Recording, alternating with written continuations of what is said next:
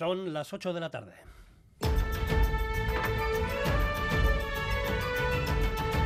Crónica de Euskadi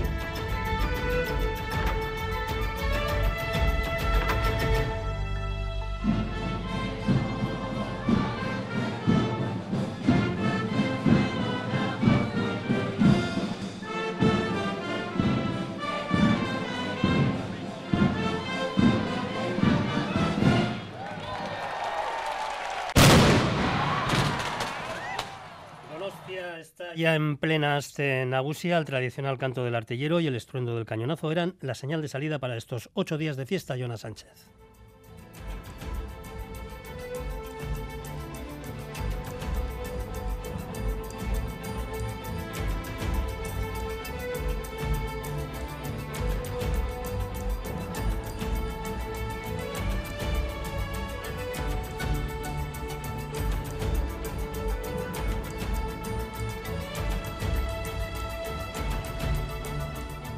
La fiesta explotaba en Donostia pasadas las siete minutos antes. Llegaban hasta Alderdi Eder, el batallón de honores de la Cofradía Vasca de Gastronomía, junto a la banda de música Iyumbe y las comparsas de gigantes y cabezudos. Sobre el escenario, miembros de Aspace Guipúzcoa, la Confederación Española de Atención a Personas con Parálisis Cerebral y también de la Sociedad Fotográfica en su 50 y 75 aniversario para entonar el tradicional artillero Dale Fuego.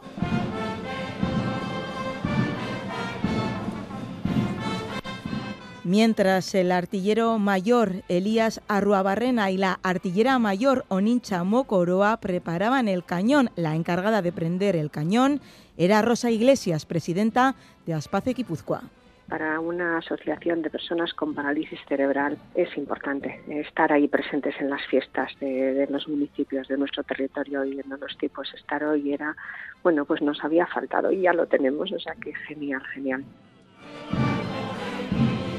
Donostia San Sebastián inmersa ya en su semana grande, ocho días de fiesta con 312 actividades repartidas por 31 espacios de la ciudad, 102 de ellas dirigidas a personas con diversidad funcional. Semana grande en Donostia este año bajo el lema de todos para todos.